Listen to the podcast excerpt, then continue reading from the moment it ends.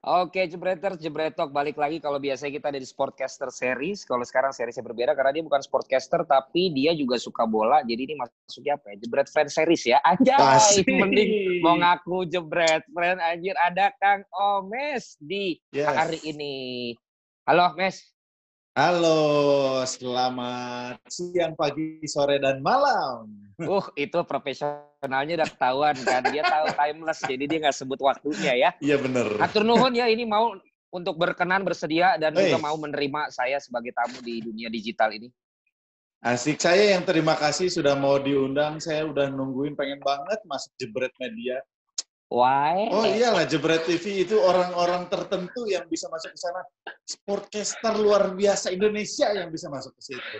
Tapi dia belum masuk tuh BTN, Telkomsel, belum berkembang, belum masuk, Mes. Itu yang gue yeah, iya, pengen ngajak-ngajak yeah, yeah. ngobrol lo juga hari ini okay. berkaitan dengan keraja midasan lo ini lo ya. Terlalu luar biasa, Mes. Jadi Omes semua juga udah pada tahu kalau googling juga udah pada tahu lihat YouTube-nya Andre Taulani lihat uh, internet lihat semua semua tentang Omes itu udah ada sebenarnya jadi agak berat untuk interview Omes pada saat semua orang bisa dapat informasinya tapi Waduh. yang sama-sama disepakati ini kan Playboy Sukabumi ya aduh Meng, me, me, mengatasi semua program-program dengan sangat banyak football fans orang yang suka motor gede, podcast Mas laku banget, sekarang entrepreneur, dan juga suami yang sangat jaim bersama dengan anak-anaknya ya. ya udah kalau gitu mas selesai nggak usah ngobrol itu udah dibacain. Seberapa playboynya lu sih mes dulu? Anjir, yang gue persiapkan itu adalah jawaban-jawaban tentang sepak bola. Oh, Dan sorry. ditanya, Oh iya, oke oke oke. Seberapa playboynya gue? Gila. Di podcast masa aja, di podcastnya gue, gue super jaim. Tahu. Iya, iya, iya. Makanya. Karena hasil akhir editing itu ada di gue. Oh, di lu? iya. Jadi nanti itu pasti ada sebelum uh, di apa dikeluarin pasti langsung dikasih dulu ke grup dan biasanya gue yang langsung ngejapri editor ini ini gini ini gini ini gini gitu ya cuman kalau sekarang ditanya seberapa playboynya gue apa patokannya apa ya? Gue tuh yep. jauh dari Raffi Ahmad lah Raffi Ahmad yang dulu. Ya, iya, ya sekarang udah enggak mes. Ya Omes juga Omes yang dulu. Oh gitu ya. By the way ini oh. hujan gede banget di rumah gue dulu. Hujan gede banget ya uh, kalau gue pas mau syuting bisa gue berhentiin mes. Wah gila. Uh, Emang biasa ya kerjaannya sama orang-orang lapangan, ya kan? pawang hujan, orang bola banget, orang bola banget. Orang, kalau orang kalau kalau nggak hujan ngerokok pinggir lapangan, minta jatah. kalau hujan gede hilang aja tuh orang. eh sekarang udah ada yang dikontrak kalau dia hujan kontraknya batal nih. Oh serius? Iya, lu cari yang gitu sekarang. Wah, profesional sekali kalau Iya, jadi lu main ya. lu mau main motor-motoran juga aman. Oh, Tapi iya, jangan di, jangan dialihkan dong. Udah berapa oh, banyak iya. Korban dulu. Benar, benar, benar. Oh, itu pacaran maksimal dulu itu dua atau tiga lah atau empat lah atau lima lah paling maksimal sekali waktu? Ya, dua lah, tiga lah, paling empat lah, lima Jadi empat apa lima? Banyak. Ya, paling banyak itu relatif lah. Itu selesai aja. semua, Mes? Enggak lah. Oh, enggak. Tapi kan zaman dulu, itu zaman dulu. Zaman SMA, kuliah, ya kan. Berasa-berasa ini. Tapi sih kalau gue lebih ke azas manfaat ya. Soalnya okay. kan dulu kere-kere banget. Jadi oh. nebeng hidup aja. Oh. Bener asli, jadi nebeng hidup gua. Jadi okay. maksudnya nebeng itu ada, eh, gue nyari ceweknya yang punya mobil, jadi gue ke kampus nebeng. Oke. Okay. Gue pengen, uh, pernah cerita juga di podcast, gue nebeng pulang mudik ke Sukabumi dari Bandung, dianterin pakai mobil, ya gitulah. Tapi kondo siap kan? Mau kondo siap kan? Anjay! enggak lah, gue mah enggak mau kondo. Ya udah, itu kan Omes uh. yang dulu, itu hanya membuka okay. obrolan kita aja karena okay, kalau okay. mau tentang yang begitu-begitunya biarlah Darto, hmm. Enggok dan juga Surya lah yang melanjutkan yeah, yeah, karena yeah. kalau enggak nanti mereka marah sama gue secara Darto apalagi yeah. teman sangkatan gue kan. Dan Iya bener ya. Mm -mm, dan lu sama-sama ya, kan, tukang ngebully pasti lu ya dia sama. Enggak, dia dulu yang dibully, Bro. Dia kan jerawatan jelek banget, nih. kalau gua anak nongkrong belakang, kalau dia tuh anak okay. cukup. Oh, gitu. Uh, dia uh. biasanya dia geng tongkrongan apa tuh yang tempat nongkrong keren dia tuh anak dia tuh anak keris PL jadi anak-anak yang memang udah bikinin majalah sekolah terus oh. disetanin untuk jadi MC PL Fair bareng Yuma ada teman gua yang lebih MC kalau ini memang oh. karena jelek oh. dipaksa naik ke panggung Oke terima kasih banyak infonya akan gua berarti lu tahu banget soal Darto ya lu mau tahu panggilannya tuh maknya okay. namanya? Kalau panggilan kita manggil dia nama maknya. Oke, nanti gue harus telepon lu ya. Lu juga harus live di podcast gue nanti bintang tamu buat ngomongin Darto. Iya, jadi kalau lu dia cerita espasnya lah cewek yang katanya apalah itu kita gak ada yang percaya, Mes. Oh gitu. Itu main dengerin kalau bukan anak PL mah percaya, anak PL mah gak ada yang percaya. Sumpah jelek banget, Mes. Siapa yang mau anjing? Oke, gue harus telepon lu nanti. Lu benar, harus benar, tahu, benar. lu harus tahu kenapa dia lama di Prambors dan gak ke TV-TV. Kenapa? Mukanya kan parah. Anjrit. Iya sih tapi. Gara-gara radio laku dimasukin uh, jadi the comment kan itu. Oh iya benar sih. Iya kan? Terus Anjir, apa cerita? harus lu. Terus cerita-cerita kalau apa selalu kalah bersaing sama lu setiap oh. casting lu yang dapat, ya tahu diri oh. lah, Mes. kalau dia saingannya sama siapa gitu masih iya, bisa iya. dibandingin, masa saingan sama lu pengen dibandingin. Di gua harus suruh dia nonton nih. Tapi sebelum nonton ini, gua harus telepon lu dulu bentar lagi gua mau rekaman podcast gua harus telepon lu biar bongkar aibnya dia tukang bongkar aib orang dia tukang ngejatuhin orang Iya. harus jatuhkan dia. Aduh, gue geli dah pokoknya kalau dengar cerita dia di podcast lu tuh seakan-akan dia tuh dari dulu flamboyan, keren, keren oh. apa iya anjir. Oke. Okay, lu sampai okay. goyang tuh.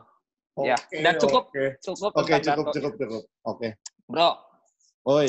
Karena banyak banget CV lu kan yang gue lihat dan yang tadi gue bilang semua orang udah pada tahu. Gue cuma pengen tanya, sebenarnya hmm. kalau lu lihat dari program demi program lu kan banyak kan stripping ya? Iya. Iya kan? Iya. Menurut lo apa sih dari lo yang membuat stripping gampang banget nyampe ke lo? Wah, apa ya? Orang cita-cita punya stripping, gak, gak dapet dapet. Mm. Sini situ gak dapet dapet. Lu sekali program stripping, stripping panjang mulu lagi. Amin, amin. Kalau dari gua sendiri sih, ya gue bersyukurnya eh, apa ya? Ya bener ya. Kemarin kan gua habis sakit tuh. Eh, ya, yang suara sakit ya. tenggorokan setelah hampir... Apa lu bilang di media, apa lu bilang voice abuse? Vocal abuse. Vocal yes. abuse. Vocal Siap abuse. Apa bahasa Inggris lu? Tapi beneran itu istilah kedokterannya. Lu oh, juga oh, iya. tuh hati-hati. Bener-bener. Karena kita iya, benar, benar. dibilangnya udah bukan uh, profesional vocal user, tapi kita elit. Jadi kita tuh kalau pasukan tuh pasukan elit.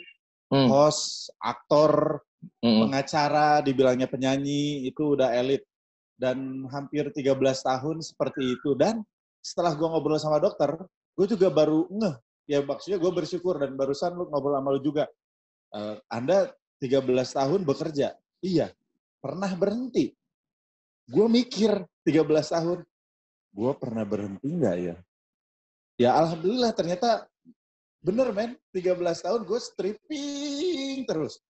Ada yang pagi ketemu pagi pagi ketemu pagi Nah dari situ akhirnya kan sakit, makanya sekarang gue agak dikurangi. Cuman kalau ditanya kenapa, kalau di uh, pekerjaan kayak begini, menurut gue nomor satu itu adalah nggak pernah berhenti belajar ya.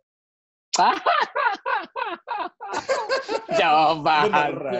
Eh bener, bener, oh, iya, iya. bener, bener. Oh karena lo udah buka sekolah karena, public speaking juga ya, oke oke. Nah bener, nggak pernah okay. berhenti belajar. Soalnya kenapa? Jadi gue tuh berstrategi dari awal dari awal pertama kali gue masuk dunia hiburan tuh umur 19-20. Gue ngambil program-program komedi, acara musik, yang ceplok-ceplokan telur, yang anak muda lah, kayak MTV kayak begitu. Terus dari situ umur 23, 24, gue mulai belajar. Ini usia gue terus bertambah. Gue harus bisa membawakan program yang berbeda. Dari situ gue belajar ke sesuatu yang lebih serius. akhirnya gue dapat pencarian bakat waktu itu mm -hmm. Indonesia mencari bakat Ya. Umur 26, 27 gue belajar lagi. Gue harus bisa bawain sesuatu yang lebih dewasa. Talk show. Akhirnya waktu itu gue punya talk show sendiri. Uh, on the show namanya di RTV dulu. Terus sekarang gue ikut di ini talk show. Di ini weekend. Eh, waktu di RTV akhirnya lo bayarannya bagus. Ini nggak turun nggak? Turun. Turun ya? Lunas. Oh, lunas. Cepat ya, makanya, Nah, nanti ada informasinya lagi, ada informasinya lagi, ada ada ada ilmunya lagi. Gue gue tahu kita satu guru satu ilmu lah. Nah, habis dari situ umur 29 gue belajar lagi yang baru. Gue harus bisa sesuatu lagi yang baru. Gue belajar kuis. Hmm. Nah, setelah dari talk show, gue belajar kuis. Jadi gue terus belajar untuk menyesuaikan dengan usia. Karena dulu gue pernah di persimpangan jalan, bro. Jadi pertama kali gue ekstravaganza, itu gue di persimpangan jalan karena gue dapet tawaran sinetron Cinta Fitri. With Teguh Wisnu? Yes, Teguh Wisnu, Shirin Sungkar, Adli Fairus, waktu itu baru mulai Cinta Fitri dan lagi ngebum. Itu lu udah di Extravaganza? Itu baru juga di Extravaganza. Gue ditawarin, yuk masuk Cinta Fitri, masuk ke sinetron. Nah, di situ gue gua harus pilih Pasti mana nih. Pasti cameo dong. Enggak, waktu itu langsung dikasih peran waktu itu langsung dikasih peran nih mau nggak nah dari situ gue mikir wah gue akan di sinetron mm-hmm. atau dunia atau? TV as a host atau ya sitcom kayak begitu begitu nah waktu itu gue ngobrol sama senior senior untungnya gue masuknya di extravaganza tuh mm-hmm. seniornya baik-baik semua mereka Seperti? yang ngasih Indra Birowo dan Tora Sudiro dan Ronald mereka itu senior gue yang dari awal yang selalu bilang ini kesempatan bagus buat lu, tapi lu akan menjadi pemain sinetron. Hmm. Lu yang tahu arah lu mau ke mana, gitu. Dan gue berpikir waktu itu, menurut gue, pekerjaan yang paling long last di dunia TV, setelah gue ngobrol ke sana ke sini, termasuk salah satu uh, apa uh, senior gue itu Irfan Hakim. Akhirnya gue memutuskan yang long last itu adalah kita, bro, host host yang bisa di semuanya. Kalau iya. kayak gue kesian, Mes. Ya bisa kan, kan kayak gue tadi. Gue juga nyobain Betul. ini, nyobain itu, bener gak? Iya, tapi sekarang nggak sabar ya umur orang. bisa, bisa, bisa. Oh, bisa. jadi lo emang punya plan yang lo pikirin terus dari sitkom, ntar gue umur segini mau mau ini, mau ini, bukan karena iya. ada yang nawarin. Lo, lo, lo lebih dulu pengen, baru lo ambil ke situ. Yes, jadi gua itu orangnya dari kecil dari SMP SMA gua tuh orangnya penuh strategi bro. Jadi hmm. percaya nggak? Gua tuh sampai sekarang gua tuh masih mencatat kalau dulu masih di kertas kalau sekarang sudah di notes uh, handphone. Gua tuh nyatat umur segini gua harus apa umur segini harus gimana umur segini gua harus ini ini ini, ini udah dicatat. Dan udah semua checklist? Dari sampai umur 30 semua checklist kayak beli rumah, Amazing. menikah, kayak gitu-gitu. Ya kan lu pernah bilang sama gue di backstage, mungkin lu lupa yang lu nah. bilang lu juga udah udah rencanain anak lo kan untuk ini ya. ini ini umur segini. Bener bener. Gua masih pacaran aja, gua udah tahu pas Kapan? mau mau merit, mm -mm. mau rumah sakit yang mana, mm. rumah sakit yang pro normal, pro apa, pro apa, pro apa, udah gua. Lu cenayang, ter... lu cenayang atau apa? Jeleknya gua orangnya terlalu well prepared. Oke. Okay. Lu sama Tapi... kayak Rico Ceper lo. Oh iya iya. Ya, ya cuman berarti. beda nasib aja sama lu. Kalau gua terlalu well prepared ditambah strategi. Iya.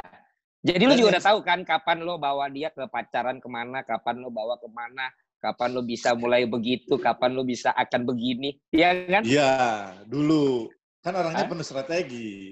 Iya. Sekarang udah Aduh, enggak. kumis gatel nih. ya. Oke, berarti itu yang emang udah lu Irfan Hakim lu juga ajak ngobrol ya? Oh iya, coba kalau lu pikirin ya. Salah satu orang yang terlama di TV dan iya, selalu bener. ada setiap hari Irfan Hakim. Sampai hari ini. Pernah nggak dia sebulan, dua bulan nggak ada di TV? Nggak pernah. Kita tunggu aja apakah suaranya kena juga kayak lo atau enggak jadi dua bulan. Enggak, enggak. Dia udah berobat gara-gara tahu gua dia langsung telepon gua. Eh, gua harus gimana? Gua harus gimana? Tapi ya senang tapi, berbagi sama semuanya. Tapi gue juga heran sih, udah gitu anaknya hmm. banyak, Pak. Anaknya banyak, ya berarti kan kebutuhan banyak, usaha makin keras. Iya, padahal di panggung tuh kayak genit-genit gitu. tapi anak bisa banyak. Aduh, sama Jadi, sama kayak gua. apa? Masalahnya lu genitnya kan sama siapa ya? Kalau Irfan kan genitnya sama siapa? ah, aku ikut-ikutan ah. eh bro, itu juga yang mau gue tanya nih. Iya, iya. So, apa, selain tadi karir lu, akhirnya lu kan emang belajar, belajar, belajar. Terus, ya. yang gue tahu dan yang gue dengar kan juga, lu kan akhirnya bisa naklukin itu kan dan dalam medan itu kan banyak talent-talent yang udah punya kolam di situ. Benar. Lu masuk di situ, lu masuk di situ. Tapi yes. anehnya lu bisa diterima karena banyak yeah. orang yang misalnya dari host dia diundang dia ke acara yang sitkom kayak dicuekin yeah. ya kan. Uh. Masuk ke gengnya yang ini yang host berempat kayak yeah, yeah. dilepehin. Ini masuk ke yang situ kagak diajak ngomong. Nah, lu kan tau lah. Ya. Iya, iya, iya, iya. Nah, kenapa lu bisa masuk ke situ semua? Apa lu sebenarnya enggak juga? Apa lu belaga masuk uh, aja? Kalau gua sih beruntungnya sama lah. Gua pun pernah merasakan kayak begitu ya. Masa? Karena benar, benar, benar. Siapa yang begituin lu? Ada lah zaman dulu. Kalau ya intinya gini nih. Apa? Paling sulit menurut gua salah satu yang paling sulit pasti lu juga setuju. Paling sulit itu masuk ke komedi, Bro. Bener oh, gak? Stres gua. Karena komedi itu ada hierarkinya. Benar. Terus ada cara berkomedi. Kita nggak ya. masuk dikit aja, selesai. Iya. Untungnya gue tuh, yang paling sulit itu komedi. Untungnya gue tuh kolamnya dari dulu nyemplungnya di komedi. Awalnya Gue ya? bertemu dengan komedi uh, modern. Komedi skrip extravaganza. Ya kan? Oh, jadi komedi modern ini komedi skrip ya? Komedi ya maksudnya kan extravaganza dibilangnya ada skripnya kan? ya, ya, ya skrip ya. semuanya itu gue masuk di extravaganza belajar komedi skrip abis hmm. dari situ gue masuk namanya di komedi project gue ketemu sama Wendy Cagur Narji ya, ya itu ya dia kan? beda Bang beda geng lagi kan itu beda itu beda lagi itu jatuhnya kayak ngelenong ya, ya kan gue ya. belajar lagi di situ dari situ gue nyemplung lagi ke YKS YKS ada almarhum Olga, Olga. Ya kan gaya komedinya beda, beda lagi. lagi. Cara menerimanya beda lagi, cara kita menyesuaikannya beda lagi. Dan, lo berarti dan lo sorry, dan, sorry, lo berarti masuk dalam orang yang menyesuaikan ya, bukan lo yang leadnya ya. di situ ya? Enggak, enggak, enggak, enggak, enggak. Gue tuh orang yang ber, harus beradaptasi. Yang terakhir tuh komedi nightlife. Sule, Andre, Net, ya? Nunung, yes. Masuk lagi ke situ kan beda lagi tuh orangnya. Ya itu gue bilang ya makanya. kan? Nah, iya. macem-macem orangnya. Itu kan beda geng semua. Iya makanya, termasuk gue pernah bawain uh, program stand up comedy di Indosiar. Masuk lagi geng baru. Gading ya kan? Andika ya? Gading Andika, ada Abdel, ada Pak ya, Jarwo, ya, ya. Didu. Itu semuanya, jadi gue bersyukur gue pernah nyemplung di semua program jenis komedi. Ternyata beda-beda.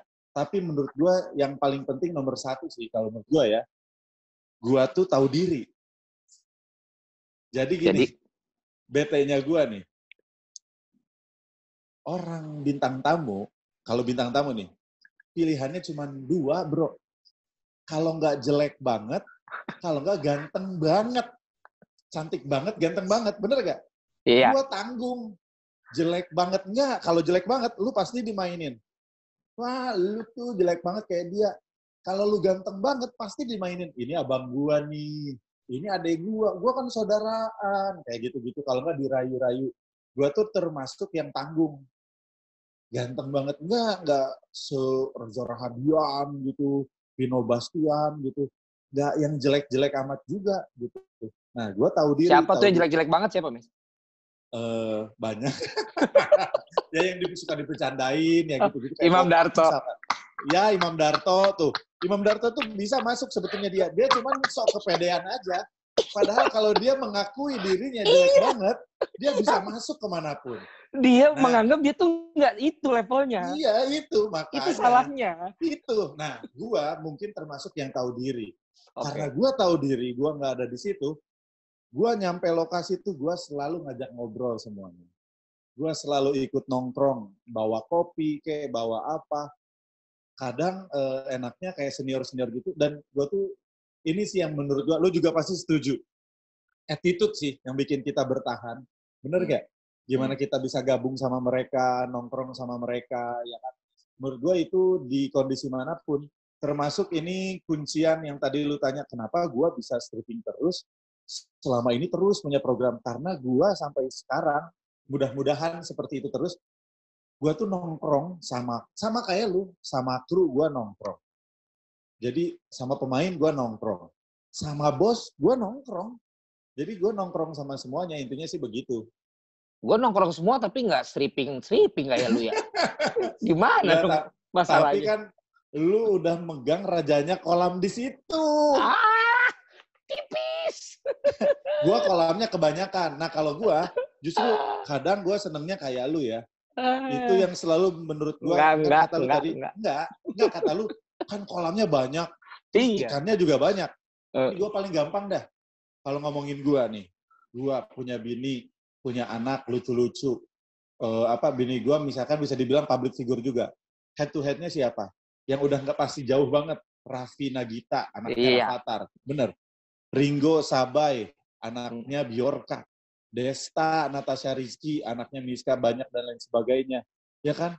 Ada hmm. juga Andika Pratama Usi. Dulu ada Gading banyak Gisel dengan Gempi, ya kan? Banyak gua head to headnya terlalu banyak. Nah, ini menurut gua gua baru nih sekarang gua sharing. Ini yang namanya strategi. Hmm. Lu kan udah jadi host dan pembeda. Gua secara family, gua sama Cuman yang selalu gue kentelin dari dulu ini termasuk strategi dan intinya hobi. Gue suami istri anak motor itu. Di antara mereka semua nggak ada.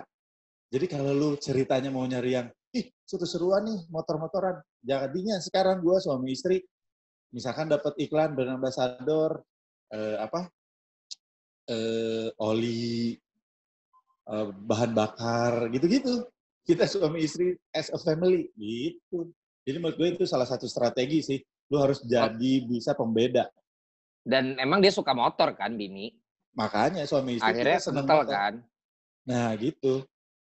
Masih ini nggak? Masih pleket nggak kentalnya? Anjay. uh, masih sih. Dulu sempat agak cair. Cuman yang sekarang Yang pas di mana? Yang lagi. yang pas di kontrakan lo yang lo hias-hias pakai bulu-bulu gladiator. Anjir. Lo tau nggak? Bini gua tuh lu ngapain sih cerita-cerita yang begitu? bilang gitu. Kosan merak dan kosan beruang. Tapi emang gue sekonsep itu. Tapi kan itu buat yang di Bali kan waktu itu. Hah? Apaan di Bali? Buset. Gue keringet dingin nih. Oke, okay, I'm out. Tapi Bim, Andrea, lu, ajak, lu ajakin juga Bimonya Andrea nggak main motor ya? Apa? Bimo kan wajakin Bimo. juga. Andrea nggak main motor. Waktu itu mereka suami istri ikutan. Tapi hmm. waktu itu boncengan gitu. Oh, ini bini lu ikut main ya, naik motor ya? Ya, kalau gua, bini gua ben, dia naik punya motor juga. sendiri juga. Oh iya, iya. Kayak siapa satu lagi belum nikah tapi ya Nabila Nabila itu ya? Nabila Putri. Iya kan nikah itu. Nikah deh kayaknya. Oh, oh udah. Kok nggak tahu ya? Gue kan nggak tahu. Oh iya benar. Gue juga nggak tahu. Takut. ya tapi bro, dengan temen lo tadi itu gue nih penasaran beneran soalnya itu hmm. ada nggak lo sempet kayaknya yang paling susah deh lo masuk geng yang mana?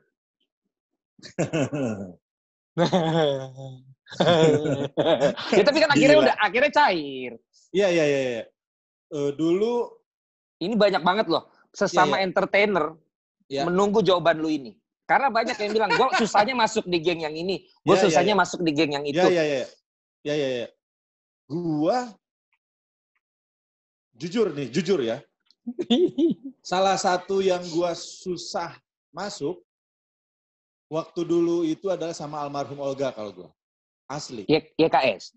YKS. Oke. Okay. Gua waktu itu agak susah masuk karena kan almarhum Olga waktu itu udah ngegeng juga.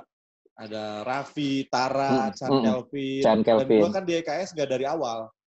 Gue tuh dari bulan kedua baru gue masuk. Tapi duluan duluan lu daripada Gilang kan? Uh, apanya? Gilang mah baru iya, kan? Iya iya iya. Iya iya iya. Jadi uh, gua tuh uh, apa agak susah tuh sama almarhum waktu itu. Karena gue masih mencari ini gayanya gimana ya? Slapstick kah atau emang pukul-pukulan kah atau emang uh, gelendot-gelendotan kayak gitu? Karena kan gue harus menyesuaikan, gitu kan? Yeah. Karena kalau sama yang lain nih, uh orang bilang apa? Misalkan sama extravaganza dulu susah masuk karena eksklusif.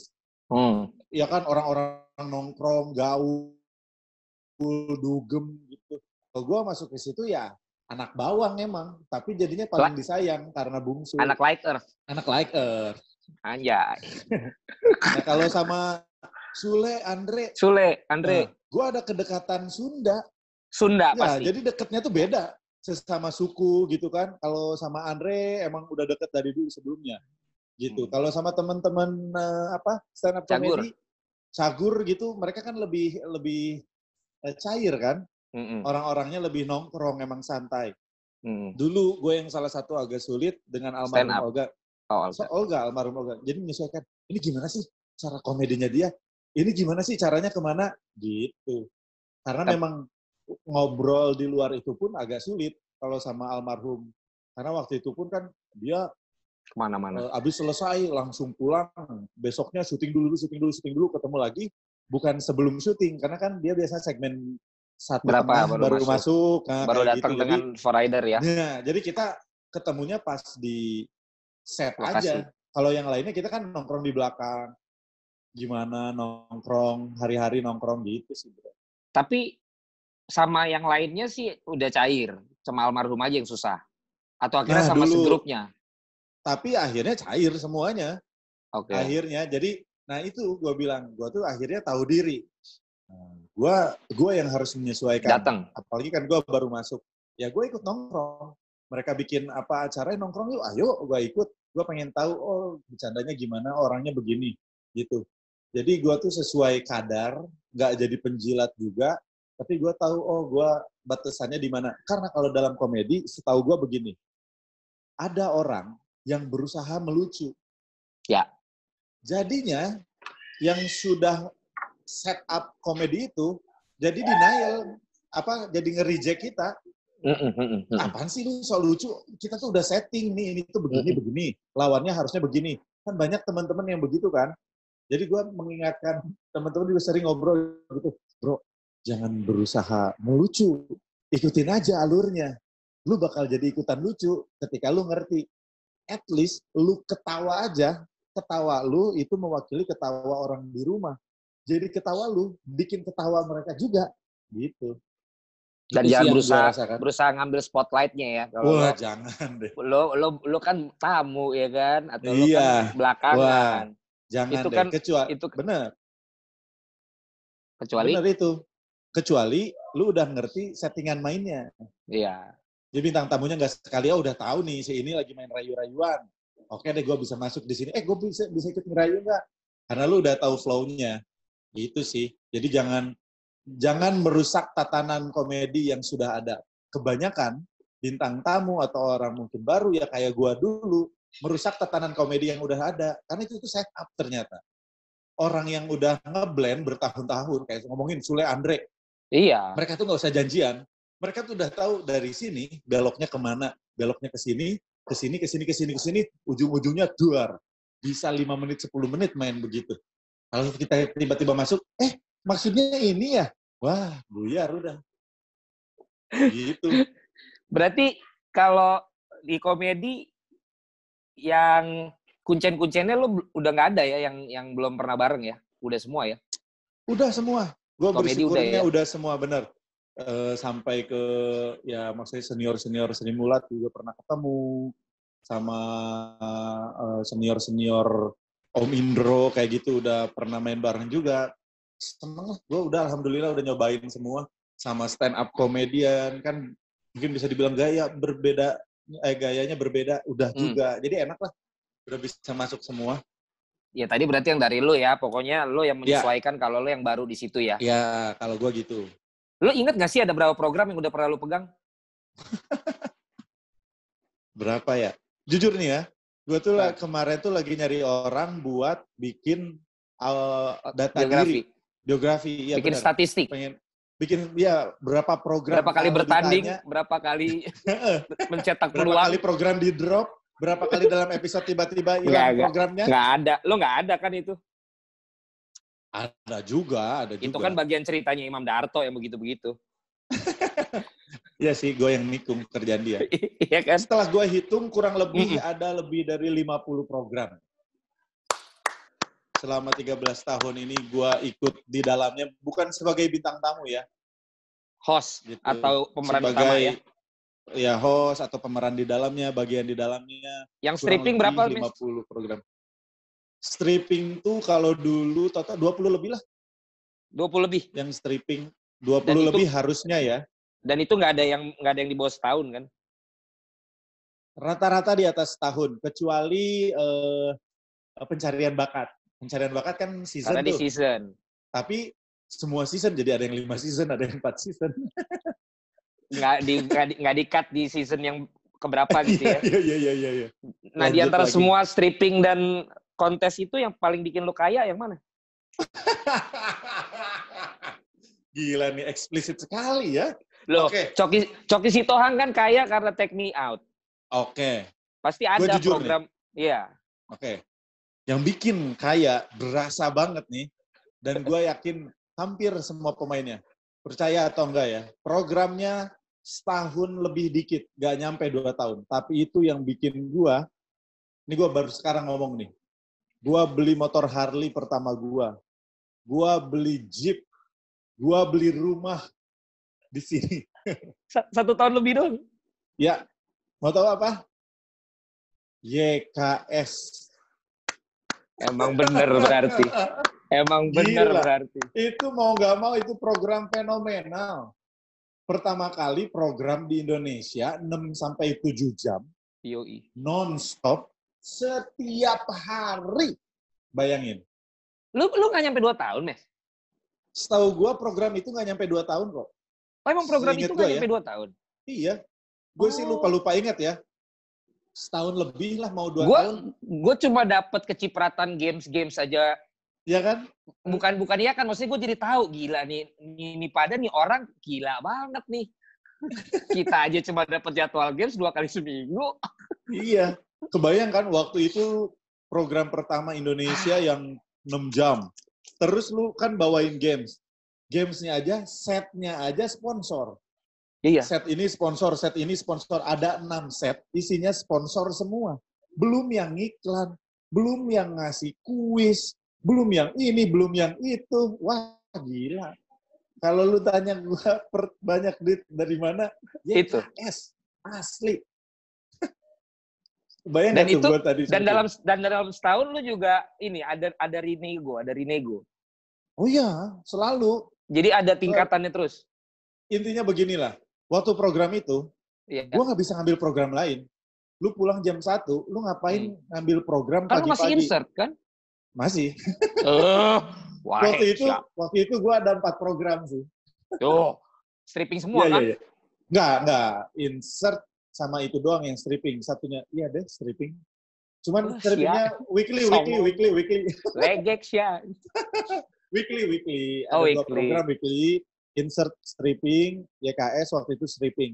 Tapi memang sebesar itu sih si YKS itu. Dan gue yakin rezeki itu dirasakan oleh semua pemainnya. Uh, paling Cesar ya enggak ya? ya kan ada artis pendatang baru. Ya kan tapi Cesar dapet lah. Yakin iya. gua. Maksudnya iya. kan waktu itu dia artis pendatang baru ya. Ya sesuai, ya, sesuai ukurannya lah. Bener. Sesuai ukurannya lah. Iya. Oke, berarti berarti di antara semua yang tadi lu cerita ini yang paling bikin lo kaya ya? Yang gua berasa banget loh. Iya, berasa, berasa banget. banget. Gila, gua bisa beli motor, bisa beli mobil impian, bisa beli rumah. Walaupun bukan cash ya. Iya. Gitu. Bukan, oh maksudnya bukan cash, tapi kan semua akhirnya lu bisa dapat. Iya, kan? akhirnya gue bisa percaya diri dan lunas. Udah lunas sekarang semua lu gak ada cicilan ya? Tahun itu juga lunas. Gila, gila, Selama gila. program gila, itu lunas. Gila, ya gimana ya Mes? Orang satu episode udah triple digit ya Mes?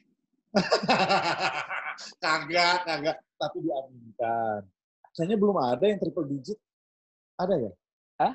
Kayaknya sinetron, sinetron deh kayaknya ada tuh pernah nyampe triple digit. Setahu gua bayaran artis tuh yang paling rekor tuh sinetron deh. Kalau TV. Per episode? setahu gua. Belum ah, belum ada yang triple. Kalau enggak hampir kali ya 75 hampir kali, kali. pernah ada ya. Uh, uh. Tapi kan Oh, ya ya. lu udah lu juga udah hampir terus dikali tiap hari, mes, mes. Aduh. Amin. Iya udah amin aja. Soalnya gini, mes penonton tuh penonton tuh seneng denger-denger penghasilan artis. Iya ya, bener ya. Pada doyan tuh pada buka ATM kayak begitu. Iya coba. Gua tuh orang yang jarang terbuka loh. Iya karena lu Kan tuh banyak. Iya. strategi, banyak rahasia, banyak yang orang lain nggak boleh lu ketahui at- atas Bener, pengetahuan lu kan. bener. Tapi ada program nggak yang lo pengen banget nggak taunya bukan lo yang dapet mes? Program yang gua pengen banget, taunya bukan gua. Ya ini kan ceritanya Darto kan dia pengen banget Ya, yang ya, dapet ya, lo. ya, ya. Tapi kalau Iya, iya, iya. dibalik, Gua eh mungkin gua pengen ada di situ, tapi gua nggak bisa. Mungkin pernah apa? kayak gitu. program apa? Waktu itu inbox sama dahsyat. Oh iya. Gua harusnya ikut inbox dan gua juga harusnya ikut dahsyat. Pernah ditawarin waktu itu. Nah, Dahsyat udah. Raffi. Ra- dahsyat udah Raffi Olga. Inbox, ya inbox waktu ganding itu. sama Terus kan Andika. akhirnya tambah Denny Cagur. Iya, Dedi Cagur. Dahsyat. Inbox tuh waktu itu Andika Gading, Iya, Narji, ya kan? iya, iya. Astrid Tiar. Akhirnya waktu itu nambah siapa? Ada Vero Walandau, ada banyak lah. Ya tapi Nah. ikonnya yang itulah. Ya, gua tuh pernah ditawarin. Hmm. Dan menurut gua ini salah satu strategi kenapa gua masih bisa bertahan sampai sekarang. Gua tuh? itu tidak pernah tergiur dengan nama besar dan uang. Karena waktu itu gua sudah di-insert Heeh. Gitu. Itu jam tayangnya sama, head to head. Iya. Mereka nawarin, mau nggak? Waktu itu insert pun gua nggak setiap hari Senin sampai Jumat kan. Kan insert ada pagi, siang. Iya, cuman kalau gue pagi doang. Oh, lo itu tuh gue bisa cuman dua hari seminggu, paling banyak Hmm. tiga hari seminggu. Karena sebulan tuh paling, paling jatahnya 14 episode. rolling ya. Tapi, nah, tapi gue gitu, gue bilang, gue ngomong kok ke insertnya, teman-teman, saya ditawarin ini, jamnya sama, gue bilang. Ah. Gue sih tidak eh, tidak berharap apa pun, dan gue tidak akan memilih program ini. Gue mau banget secara program, secara nama, ini bisa membantu gue. Cuman gue hanya memberitahu kalian, gue pernah ditawarin ini, tapi gue tetap di sini. Gitu gue. Langsung naik dong. Iya. ya gitu dong, ya nggak? Kalau udah kalau udah punya- kalau udah punya nama ngomong begitu langsung dinaikin, Mes. Kalau kagak punya nama ngomong begitu, terus apa maksud tuh cerita begitu? Itu, Mes. Dia pengen ngasih tahu aja bahwa kita tuh tuh, gua tuh profesional. Gitu. Tapi lu nggak nyeselin, nggak nggak ngambil dua itu. Lu nggak nyeselin. It, karena gua di awal karir udah gitu, bro. Apa? Kan dulu, dulu ekstravaganza gue ditawarin Cinta Fitri. Oh, ya kan dari awal karir gue pernah diberikan dilema yang seperti itu Hmm. dan gue ikut intuisi ngobrol sama yang udah senior Mm-mm.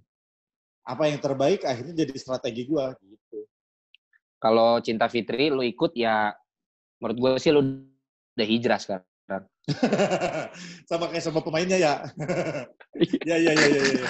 sama sama Jadi tapi masalahnya kan gitu nih kalau yang waktu itu ya pertimbangan gue kenapa nggak ngambil sinetron sinetron kalau Eh. sekarang kayak umur gua nih umur kita umur 30 tanggung something. Jadi ABG nggak bisa. Jadi bapaknya di sinetron nggak bisa. Di sinetron ada om nggak? Nggak ada om di sinetron. Cuman ada bapak, ibu Tirian Galak, anak sama anak-anak ABG. Bener kan? Berarti ada jeda rentang usia yang nggak bisa kita isi. Kalau Makanya maaf sekarang, nih. Iya makanya, makanya mohon maaf nih banyak-banyak, eh cukup banyak pemain sinetron yang akhirnya tanggung. Usia tanggung, mungkin ada yang ke politik, ada yang berbisnis gitu kan. Karena Ya, kalau sekarang ada, di pel- ada sinetron, sekarang ada peluang di suara hati istri dan azab di Indosiar. ya benar usia-usianya pas, benar.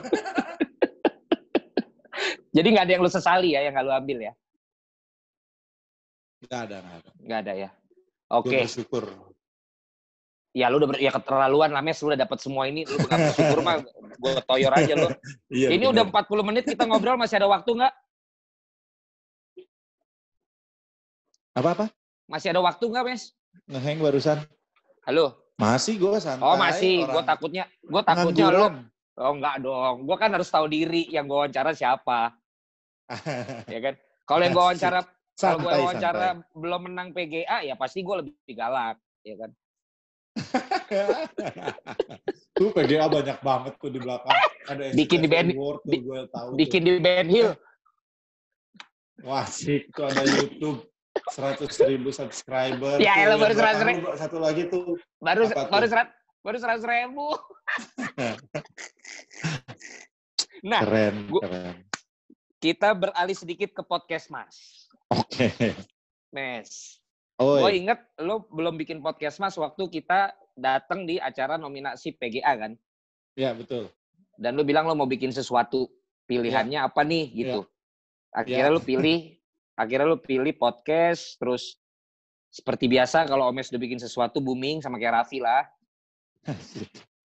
akhirnya lu memilih podcast tuh mungkin udah pernah lu ceritain sih, tapi gue pengen tahu yeah. Dibandingkan YouTube dulu gitu. Apa ini strategi okay. lu lagi yang lu bilang lu penuh dengan taktik ini? Oh iya, betul. Pelan-pelan. yes, kenapa nggak bikin YouTube? Dari awal banyak juga manajemen YouTube yang pengen bikinin sama lo PH ya. yang pengen mes bikin dong YouTube yuk konsepnya komedi ada yang konsep family apa segala macam karena kebetulan gue juga punya PH dan gue tuh pasti iya. harus uh, survei dan observasi tren apa ke depannya YouTube Asik. tuh ya itu tadi terlalu banyak udah hmm. banyak hmm. banget bagi gue ya yang iya. tipenya iya. sama kayak gue ya tadi Raffi Gading mereka Andika udah punya sendiri gue tuh nyari sesuatu tren baru yang ada di luar negeri ketemulah podcast dan di podcast itu yang luar biasa udah ada artikel podcast akan pecah di 2020. Gitu makanya di 2019 akhir tuh gue udah preparation. Wah podcast tuh kayak gimana? Gue harus nyiap-nyiapin konteksnya apa, konten eh, apa, kontennya gimana. Jadi akhirnya gue memilih podcast di saat belum banyak selebritis yang main podcast. Gitu. Kalau sekarang gua, udah banyak. Sekarang banyak. Masa? Banyak. Ayu Dewi Luna Maya punya. Terus Raditya Dika emang dari awal udah iya, ada. iya, dari awal. Terus Tara Budiman sekarang bikin juga. Augie juga kan punya. Terus uh, Ayu Dewi udah ya. Deddy Kobuzier sekarang masuk di podcast yang nggak hanya YouTube-nya aja. Terus uh, oh ya kalau kalau Deddy kan dia yang nggak disukain YouTube. para podcast kan karena dia YouTube-nya juga bikin podcast kan. Iya ya tapi itulah Dedi gitu loh. Iya, iya, iya. Cuman kalau gue yang ngelihat itu sebagai peluang bisnis, bikin konsep yang berbeda, karena gue kan ngecek dulu, ini di podcast ini apa sih yang peringkat lima besarnya. Jadi gue survei hmm. dulu tuh. Hmm. Uh, waktu itu tuh ada rapot, Reza Candika ya. dan teman-teman. Terus gengnya ada, box to box ya? Yes. Uh, rapot beda sendiri. Rapot sendiri ya? Katanya sekarang bareng. Rapot sendiri eh, nggak tahu kalau sekarang tapi setahu gue sendiri box to box tuh kan hmm. Pangeran Siahaan terus uh, ada Anfaedah Lawless hmm. terus juga ada Boker Brothers BKR yeah. itu kan nah itu box to box terus ada Rintik Seduh dan masih banyak lagi nah gue tuh ngeliat di lima besar ini ada yang horor yang ramai itu ya lima besar yeah, horor tapi rata-rata kayaknya ob obrolan tongkrongan nih gitu makanya gue dan teman-teman waktu itu gue memaksa Darto, Surya, dan gue untuk, ayo kita bikin, ayo kita bikin, ayo kita hmm. bikin. Nyampah aja apa yang nggak lu bisa, apa yang lu nggak bisa omongin di TV, lu nggak bisa omongin di radio, kita tumpahin semua di podcast. Jadi yang di podcast mas. Gitu. Nah itu lu, lu yang nunjuk mereka. Uh, Ini teman-teman lo di motoran kan? Iya, iya. Emang temen nongkrong, jadi nggak nunjuk juga sih. Sebetulnya bareng-bareng jadi obrolan. Gua tuh, lu tuh lu tuh kan Sunda yuk. lu kan Sunda mes. Lu alus tapi dominan gue tahu. Iya bener. Iya. Provokator. Tahu gua. Kelihatannya segen-segen padahal lu semua otaknya main nunjuk. Ya nggak bareng-bareng lah. Oh iya iya. Kenapa sih? Masih segen aja sama iya, iya, mereka iya. lu Iya iya iya iya. Ya pokoknya gitu ngajakin terus mereka yuk, yuk bikin bikin bikin gitu. Kenapa Jadi tiga karakter itu? Develop. Uh, yang pasti sih gue yakin yang pertama gue ambil itu adalah karena kita semua backgroundnya sama orang radio. Ya. Gitu orang radio dan semuanya dalang. Okay. Semuanya kreator nih berempat. Ya Jadi, satu kan emang yang satu mah asisten lah, yang satu mah apa sih? ya ya ya ya. ya. Asisten dan Liverpool aja itu. Iya benar. apa namanya? Tapi ya itu akhirnya kita setuju kita akan berkembang karakter mm -hmm. kita masing-masing di podcast mas ini. Gitu. Okay. Jadi akhirnya kita uh, gua si Jaim, Darto si mulut sampah, uh, Surya si uh, ngegas, Gok si apa? Siapa? Gok siapa? Ya itu. Iya. karena gak ada yang tahu ya. Iya, walaupun udah bisa swipe up, karena kita bantu seribu kita bayarin beli. tapi gitu. itu tapi, tapi itu lo udah tahu gue jujur ya waktu gue awal lihat podcast monetizingnya gue nggak tahu loh. Ya ya ya. Lo waktu itu uh, research sampai ke monetizingnya? Uh, jadi di luar negeri setahu gue sudah ada AdSense dan monetizing ya. Tapi hmm. enaknya di podcast ini adalah, nah itu strategi kita. Kalau ada teman-teman yang dengerin dari awal, kenapa kita semua ngomong, ayo dong sponsor, bahkan kita nyontohin kalau ada sponsor. Iya, naro-naro situ. kita kejar, nah karena memang kita kejar itu. Pihak ketiga itu. ya? Jadi, yes. Jadi kalau YouTube nunggu misalkan ya pasti ada sponsor juga itu uang yang paling besar. Tapi kan nunggu AdSense, bonusnya ada monetizing segala macam. Di kita nggak ada, tapi kita punya data.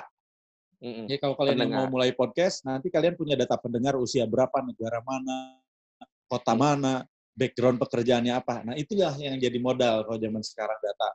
Mm. Sampai akhirnya sekarang si podcast Mas ini kita sekarang udah dibeli sama Spotify Asia dua tahun kita eksklusif di sana terus di season nggak boleh di YouTubein berarti ya tidak boleh di platform lain. Hanya di Spotify aja.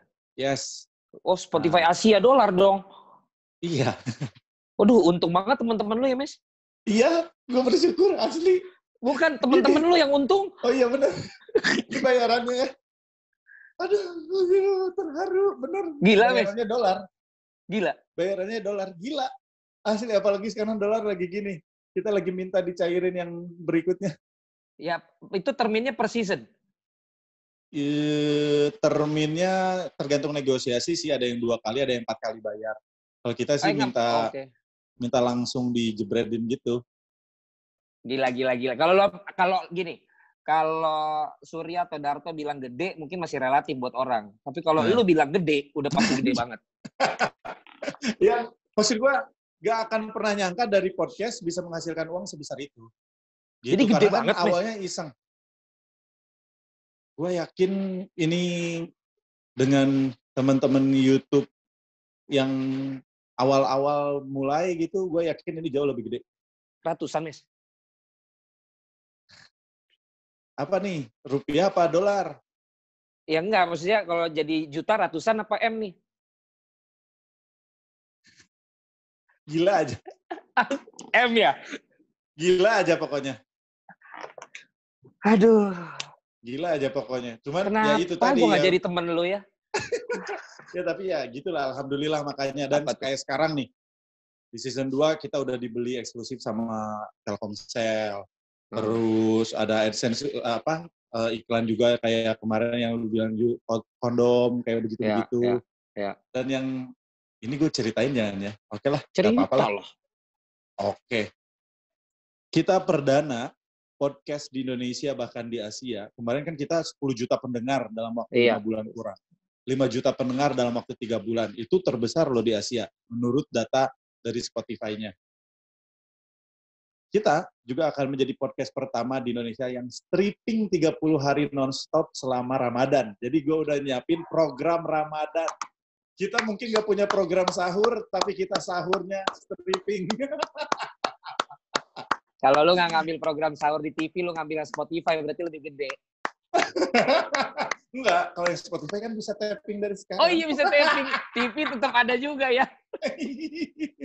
ya intinya gitu sih. Karena itu juga ber, awalnya dari gitu bro, dari obrolan. Aduh, ini sahur gimana ya kemarin tuh. Udah kondisinya kayak begini, kita syutingnya bulan puasa gimana ya acara ngabuburit. Terus waktu itu lagi ngobrol berempat, terus gue bilang, kita bikin aja sendiri podcast sahur. Belum ada yang mainin. Oke, deal, deal, deal, deal. Jadilah kita bikin podcast sahur. Dengan Jadi, omongan yang, dengan dengan omongan yang sampah-sampah ya. Oh beda, beda. Lihat nanti. Bakal ada bintang tamunya juga super spesial. udah, udah di, udah rekaman, udah beberapa episode untuk contoh jual ke sponsor. Beruntunglah teman-temanmu itu ya. Dan mungkin nanti perdana nih, nggak apa-apa lah gue bocorin sekarang. Perdana nanti podcast, karena untungnya kita berempat orang produksi. Ya. Jadi nanti podcast kita bakal ada segmen-segmen segmen. Jadi ada segmen, ada iklan, ada segmen, ada iya, iklan, iya, ngerti, ada ngerti. segmen, ada iklan, gitu. Jadi udah Dan masuk tuh iklan-iklan. Sudah. Udah udah udah udah udah closing semua. Uh, ada beberapa, ada yang kan Slotnya. ya mancing mancing duit pakai duit lah. Udah kita mancing aja dulu gitu. Nah menurut gue ini strategi yang bisa diterapkan sama teman-teman gimana cara bikin sesuatu supaya menghasilkan. Liar, liar, liar, liar, liar, liar, liar, liar. Jadi ini ownernya owner lu apa berempat, Mis? Berempat. Oh, berempat. Berempat, 50% bareng-bareng. kan? Enggak, enggak, enggak. Gua kalau dalam bisnis gue orangnya fair. Berempat kita bagi rata. Wah, enggok, hoki banget. Bener-bener berempat kita bareng-bareng lah sama-sama. Salut, salut, salut, salut. Dan ya ini orang denger seneng denger lu ngomong begini, lu nggak tutup-tutup. Orang bisa punya kesempatan yang sama kan untuk Harus. nyoba. Walaupun Nah. akhirnya kan yang kalau nggak jadi yang pertama, yang terunik, yang terbaik kan itu. Nah itu bener. Nah kan lu udah tiga-tiganya, jadi lu udah aman. Makanya lu mau ceritain ke orang santai. Amin, bener. Selamat mencobalah. Pokoknya kalian harus kreatif kalau di zaman sekarang, apalagi dengan kondisi pandemi kayak begini. Sekreatif mungkin yang bisa kita lakukan lah. Itu yang yang ngontek Spotify-nya bukan kalian berarti.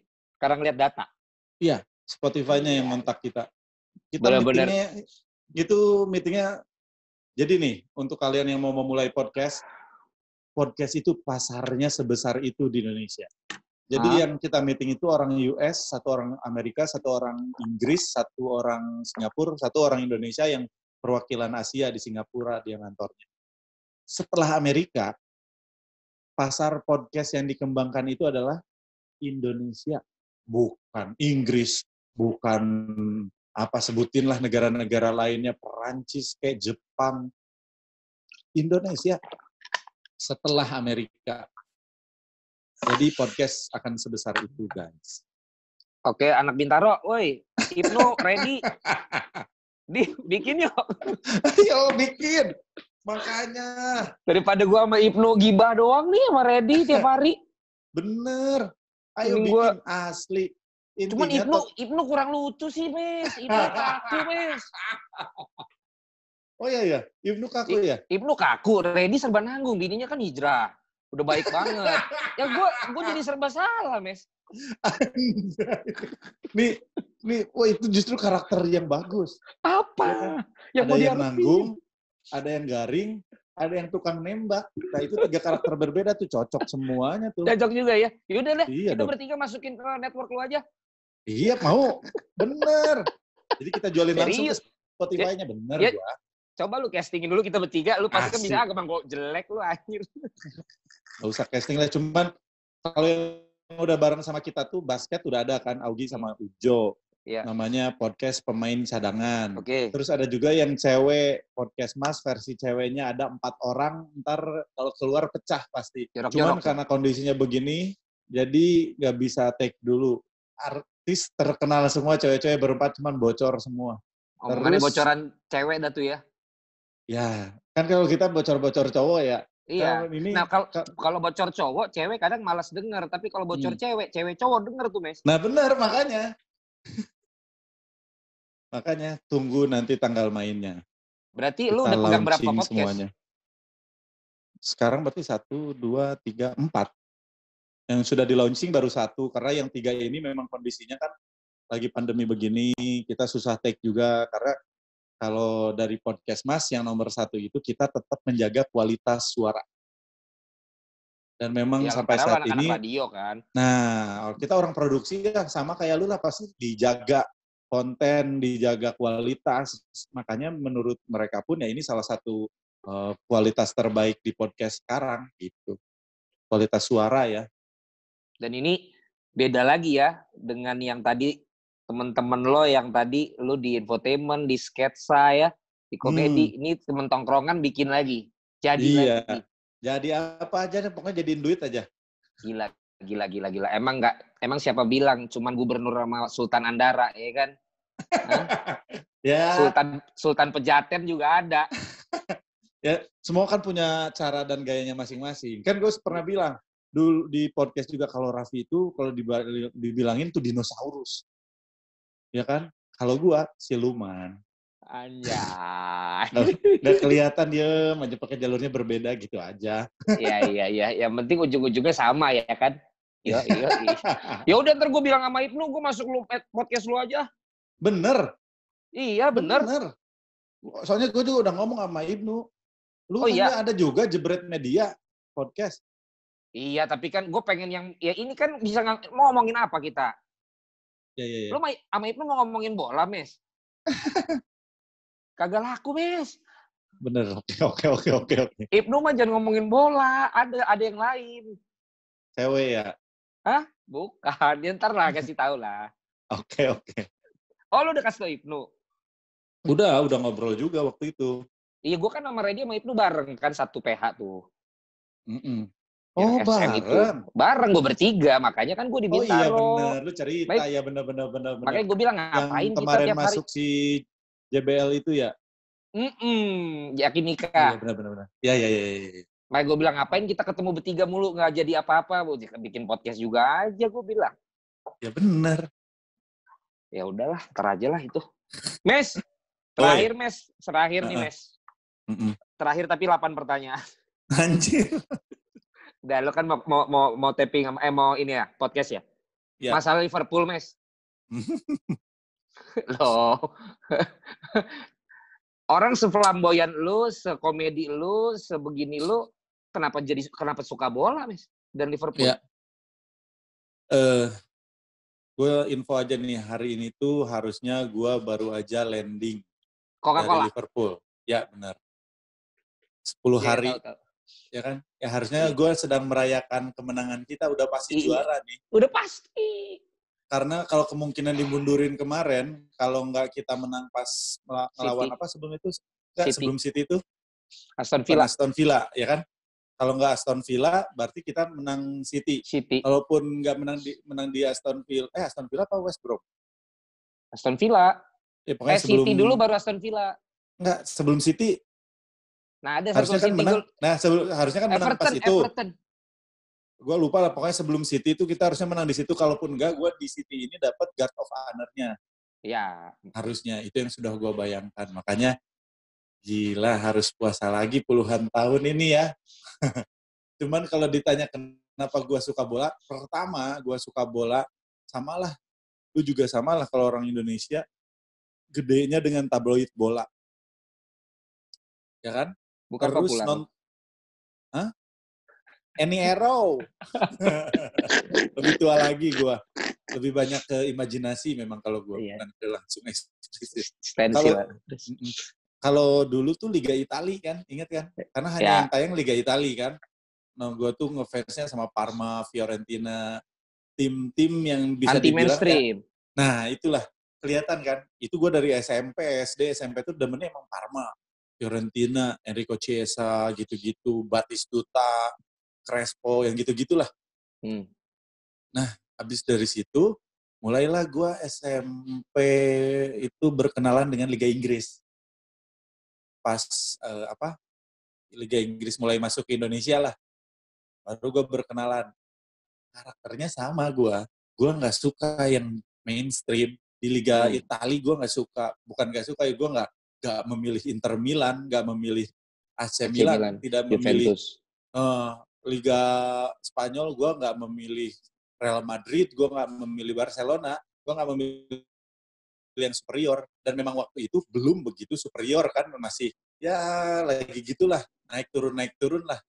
Makanya waktu itu gue suka sama si Liverpool. Itu awal-awalnya berkenalan hmm. dengan dan salah satu pemain yang gue suka sampai sekarang Haman. Dietmar oh. Dietmar Haman. Nah, oh, Jerman. Jerman. Gue suka karakteristiknya aja gitu kayaknya pemain bola yang apa fair play. Hmm. Terus bawaannya santuy, asik gitu. Seperti mengaplikasikan diri lu kalau lu gambarkan ya. Mm -mm. Tapi belum tentu dia emang dia doyan main cewek, Mas. Nah, eh anjay. belum tentu, makanya kan nggak tahu dia mungkin jaim juga di lapangan aslinya kayak gimana kita nggak tahu. Gitu. Katanya waktu live ke sini lu pernah ada cerita. Ya. Waktu mereka datang ke Indonesia. Oh, iya, iya, iya. iya gue dapet satu jersey yang full tanda tangan mereka. Tapi, Kalau diundang? Ya, gue diundang waktu itu. Tapi yang gue lakukan waktu itu gue pernah saking gue pengen banget ketemu sama mereka, kan pada kita semua buka kamar di Hotel Mulia ya. Hotel Mulia. Satu kamar barengan ada yang bertiga, berempat, kagak nginep. gua tuh sampai bolak-balik naik lift sampai tujuh kali delapan kali. Nih, ting berharap ada pemain masuk bareng temu tuh gua nyari teman-teman waktu itu kita belum begitu kenal waktu ya. itu gua nyari teman-teman yang eh, apa mau interview mereka. Salah satunya adalah Rizky Kinos. Kinos ya Kinos kan bukan emang Cesar dulu ya? Kinos ya? Apa? Bukan Cesar ya waktu itu ya? Si Kinos ya? Kinos. Oh Kinos. Yang apanya? Yang MC iya iya. Yang waktu itu dia wawancara gitu si Kinos kan sportcaster juga. Iya. Nah gue bilang, Nos gue pengen ikut dong. Dia kan Liverpool juga kan. Ayo Kang, ikut sama gue yuk Mes, ayo ikutan. Ya udah, pas nyampe sana gue nggak boleh masuk. Who are you? Katanya. Cannot, cannot. Semua kan pakai seragam apa segala macam. Akhirnya si Kinos, Mes, gimana ya? Duh, gue nggak enak kalau lu nggak masuk. Lu jadi kru aja gimana? Iya, nggak apa-apa. Gue jadi kru. Gue bawa kamera, bawa kabel, bawa tasnya Kinos. Jadi gue jadi I'm his crew, I'm his assistant. Oh oke okay, oke okay, oke. Okay. Akhirnya gue bisa masuk ke dalam, ketemu Jordan Henderson, gue ketemu banyaklah pemain-pemain lainnya pas wawancara gitu. Nah, habis dari situ, ini pengalaman yang nggak terlupakan yang gue ke Inggris. Lo nunjukin lo terkenal ya di sini ya? Mm -mm. lo ke, lo gimana sih itu lo ke Liverpool? Jadi gue tuh lagi backpackeran waktu itu tiga minggu gue ke Inggris. Dan gue dikasih hadiah waktu itu sama bini gue. Cuman nggak dibeliin tiketnya, eh, tiket pertandingan. Oh. Nah, gue di Inggris tuh punya temen orang sana. Terus gue minta tolong sama dia, eh bro cariin dong. Gue lagi pengen nonton Liverpool, bla bla bla bla. Dia tuh penggemarnya Aston Villa by the way. Uh, dari situ dia tuh produser film di Inggris. Oke. Okay. Teman gue ini, dia tuh aktif juga di dunia hiburan lah. Terus dia email ke PR-nya Liverpool. Gue masih ingat namanya Di Kundra. Kalau masih ingat cewek India yang waktu itu ngurusin Liverpool di Indonesia. Oh iya iya iya iya. iya. Soalnya dia kepala PR-nya dan dia yang ngusir gue waktu itu sama Kinos. Karena gue masih ingat asli. Terus si teman gue itu email dia, waktu itu masih zaman Twitter, hello, my name uh, my name is blah blah blah. I have friend from Indonesia, Ananda Omes. He's very famous in Indonesia. Terus dia cek followers Twitternya ada waktu itu 1,5 juta apa 1,8 juta. You can check his followers on Twitter and he's also blah blah blah blah blah blah blah blah blah blah blah blah blah blah. Terus tiba-tiba ada email balasan berapa hari kemudian, we would like to invite Mr. Ananda Omes to watch uh, the game between Liverpool versus West Bromwich Albion. Please use your best suit. Suruh pakai jas karena kita mau ada uh, lunch before uh, apa kick off. Match. Ya, before match dan kita mau ada wawancara sama LFC TV di lapangannya before match dan kami mengundang Anda untuk duduk di Royal Box with uh, the other players yang lagi cedera tuh terus uh, apa legenda legenda-legenda Liverpool gitu-gitu. Jadi di sana gue nggak nyiapin baju apa pun, gue ke Primark, kalau di sini tuh Ramayananya. Iya. Tapi buat oleh-oleh, Mes. Iya benar. Tapi gue sana beli jas, beli sepatu, pantofel apa segala macam dan gue nonton di Royal Box. Waktu itu bareng sama Jose, uh, sama Enrique, sama Iago Aspas, sama oh banyak deh itu pengalaman yang tidak terlupakan. Barter posting. Iya. Beruntung. Nah, setelah itu teman-teman yang lain tahu kan gue kayak gitu pada ngiri. Kirim salah email. satunya, oh salah satunya Desta. Desta. Mes, lu gimana bisa kayak begitu? Nita, gini-gini, ini emailnya, gue kasih kartu namanya, gini-gini. Ternyata Desta tidak dibalas. Pas dibalas lagi, ternyata si Dikundra itu sudah keluar dari Liverpool. Jadi, Dan Desta emailnya di Inggris enggak? iya bener. Dia dari Lu kan pas lu, lu kan pas di Inggris kan? Pas di Inggris, terus yang emailnya si teman gue itu. Iya, beda. Benar-benar. Ini pertanyaan yang mewakili jutaan umat sebagai closing kita, Mes. Oke. Kalau gara-gara pandemi ini Liverpool gagal juara, apakah lu ikhlas atau tidak? Pengen nangis sebetulnya ya. Tapi gue ikhlas. Soalnya gue yakin kalau orang namanya ngefans sama Liverpool, pasti udah hatam sama yang namanya lapang dada. Kita sudah biasa ikhlas. Dikasih waktu satu tahun lagi, nggak apa-apa. Padahal harusnya kan harusnya jangan digagalkan loh. Tapi kalau gue pengen ngomong, Nah makanya kalau dari lu gimana? Kalau tadi kan harusnya jangan kan- digagalkan. Jadi Poin kita terlalu jauh. jadi baiknya Kita menurut lu absolut harusnya kita mutlak menjadi juara. Padahal kan kita tinggal berapa pertandingan lagi, dua tiga pertandingan lagi, ya kan? Kita Dua. mutlak jadi juara, ya kan? Mutlak dengan jarak yang tidak bisa dikejar. Harusnya, harusnya sih tidak digagalkan. Kalau enggak, ya juara paruh musim kan kita. tapi Anjay. fans fans MU kan tetap bilang, ah berarti lu dikasih juara gara-gara ini, ayo serba salah. Ah, nggak apa-apa. Lu aja nggak tahu ya. peraturannya gitu. Orang sah kok. Nggak, nggak. Sorry nih. Untuk fans MU kalian tidak berhak bicara begitu. Yang berhak hanya fans City. Kalau MU yang beda jaraknya peringkat dua sama kita berhak ngomong kayak begitu. Yang Ini di mana dia? ngomong gitu orang City. Nggak kelihatan. Tuh. Sorry. Gue emosi langsung. jadi kita nggak dikasih lawan yang klub sesama klub sekarang dikasihnya masalah wabah. Lu bayangin nggak ya. perjuangan Liverpool? Gila Lu ya. bayangin nggak, Mes? Gila, Kayak gila. sem- semesta aja. Kagak mau Hmm. kita juara, Mes. Bener. Coba. Itu pemikiran gue dari kemarin. Ya Allah. Kok bisa begitu, Mes? Yang Iya. tadinya juara paling cepat, sekarang jadi juara paling lambat. Kalaupun ini ntar kita tetap jadi juara. Lanjutin lagi ya makanya. Gila nggak? Ini gila sih. Aduh Tuhan. Ya, ini. gila sih ya ini. Kita pendukung Liverpool benar-benar dikasih cobaan. Masya Allah. lah. Tapi nggak apa-apa, Mes. Selama satu tahun lagi nunggu Liverpool, lu Hmm. akan dapat banyak kontrak juga kok dari Spotify dan dari yang lain-lain. Jadi nggak kerasa nunggunya. Kalau lu nggak Oh iya, kerasa nunggunya. Kalau kemarin kita kan gara-gara sponsor. Kalau besok udah uang sendiri aja lah yuk kita jalan. Allah.